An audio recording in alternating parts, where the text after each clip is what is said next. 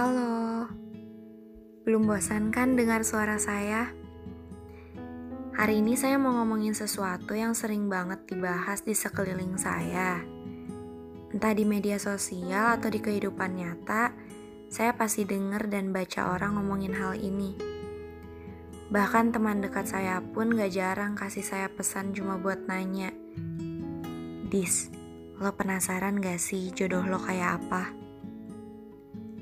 Hal yang sebenarnya masih bisa dipikirin entar-entar lagi. Toh emang sifatnya misterius kan? Gak ada yang tahu dan gak akan ada yang bisa nebak-nebak sendiri.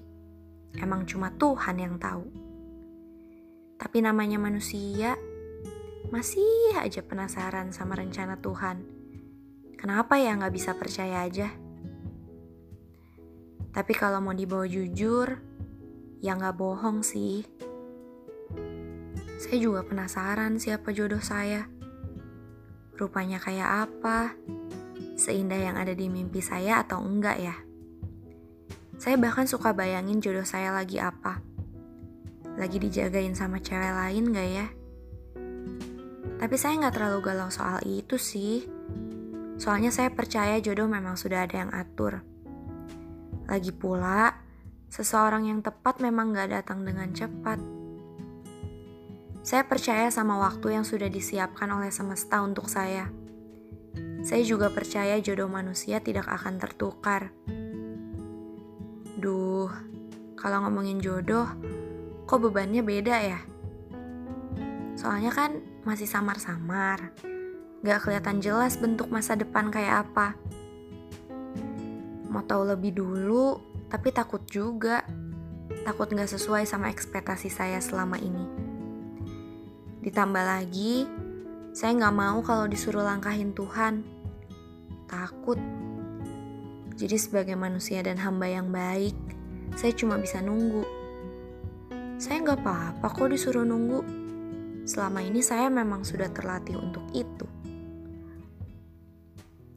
Salah satu teman saya sempat ngobrol banyak sama saya tentang jodoh. Dia sempat bilang kalau dia takut Katanya dia takut kalau jodohnya nggak sebaik yang dia kenal selama ini. Dia takut pasangan yang dia anggap sangat baik, ternyata setelah menikah jadi berubah. Kalau dilihat-lihat dari omongan orang yang sudah menemukan jodohnya, kebanyakan dari mereka memang bilang katanya sebelum menikah dan setelah menikah sifat pasangannya berubah.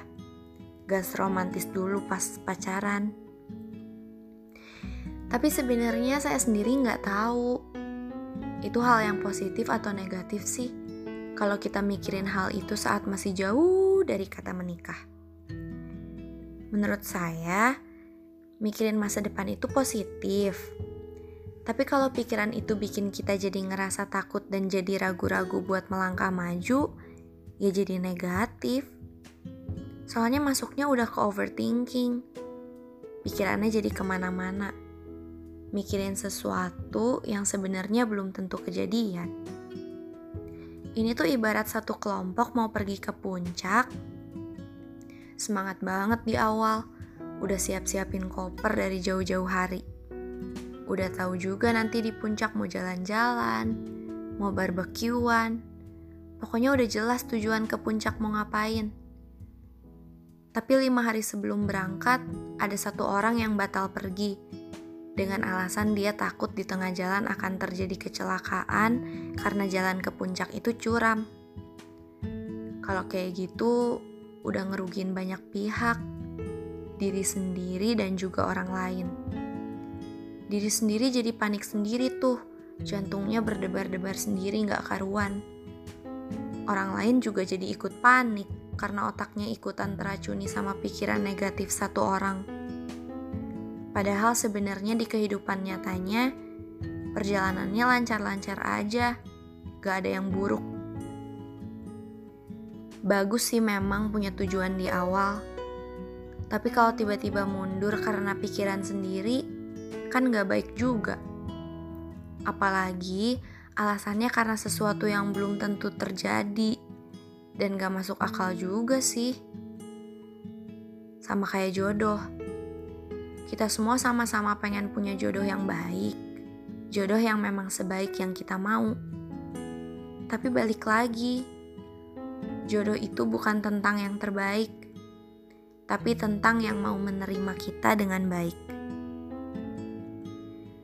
Manusia itu sifatnya berubah. Mereka nggak mungkin selalu jadi orang yang kita mau. Makanya kenapa kalau ngomongin jodoh, orang-orang tua pada bilang, Cari jodoh tuh yang mau mencintai kekurangan kita juga. Jangan mau sama lebihnya doang. Ya, karena manusia itu pasti ada sisi gelapnya juga. Gak mungkin kan sisi terang doang yang dipunya. Selama ini kita selalu lihat sisi terangnya mereka ya karena mereka selalu berusaha buat tutupin sisi gelapnya. Siapa sih manusia yang mau tunjukin sisi gelapnya ke orang yang dia sayang? Tapi ya beda cerita kalau posisinya sudah jadi jodoh dan takdir. Mau gak mau sisi gelap dan terang kelihatan bersamaan. Milikmu juga. Ya logikanya aja. Kalau sudah jadi jodoh, setiap hari lihat terang matahari pertama dan lihat gelapnya langit malam di ujung hari juga bersama-sama kan?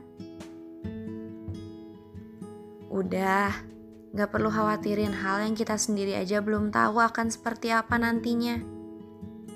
Percaya nggak? Sama konsep, daun jatuh pun udah ada yang atur. Sama aja kayak masa depan. Udah diatur dengan baik kok. Gak perlu dikhawatirin lagi. Apalagi sampai takut buat maju ke depan. Kalau kamu berdoa untuk berjodoh dengan seseorang, tapi ternyata Tuhan gak mengizinkan dan waktu gak lagi mempertemukan, bilang aja ke dia, Terima kasih ya kamu sudah singgah. Saya senang saya kenal kamu.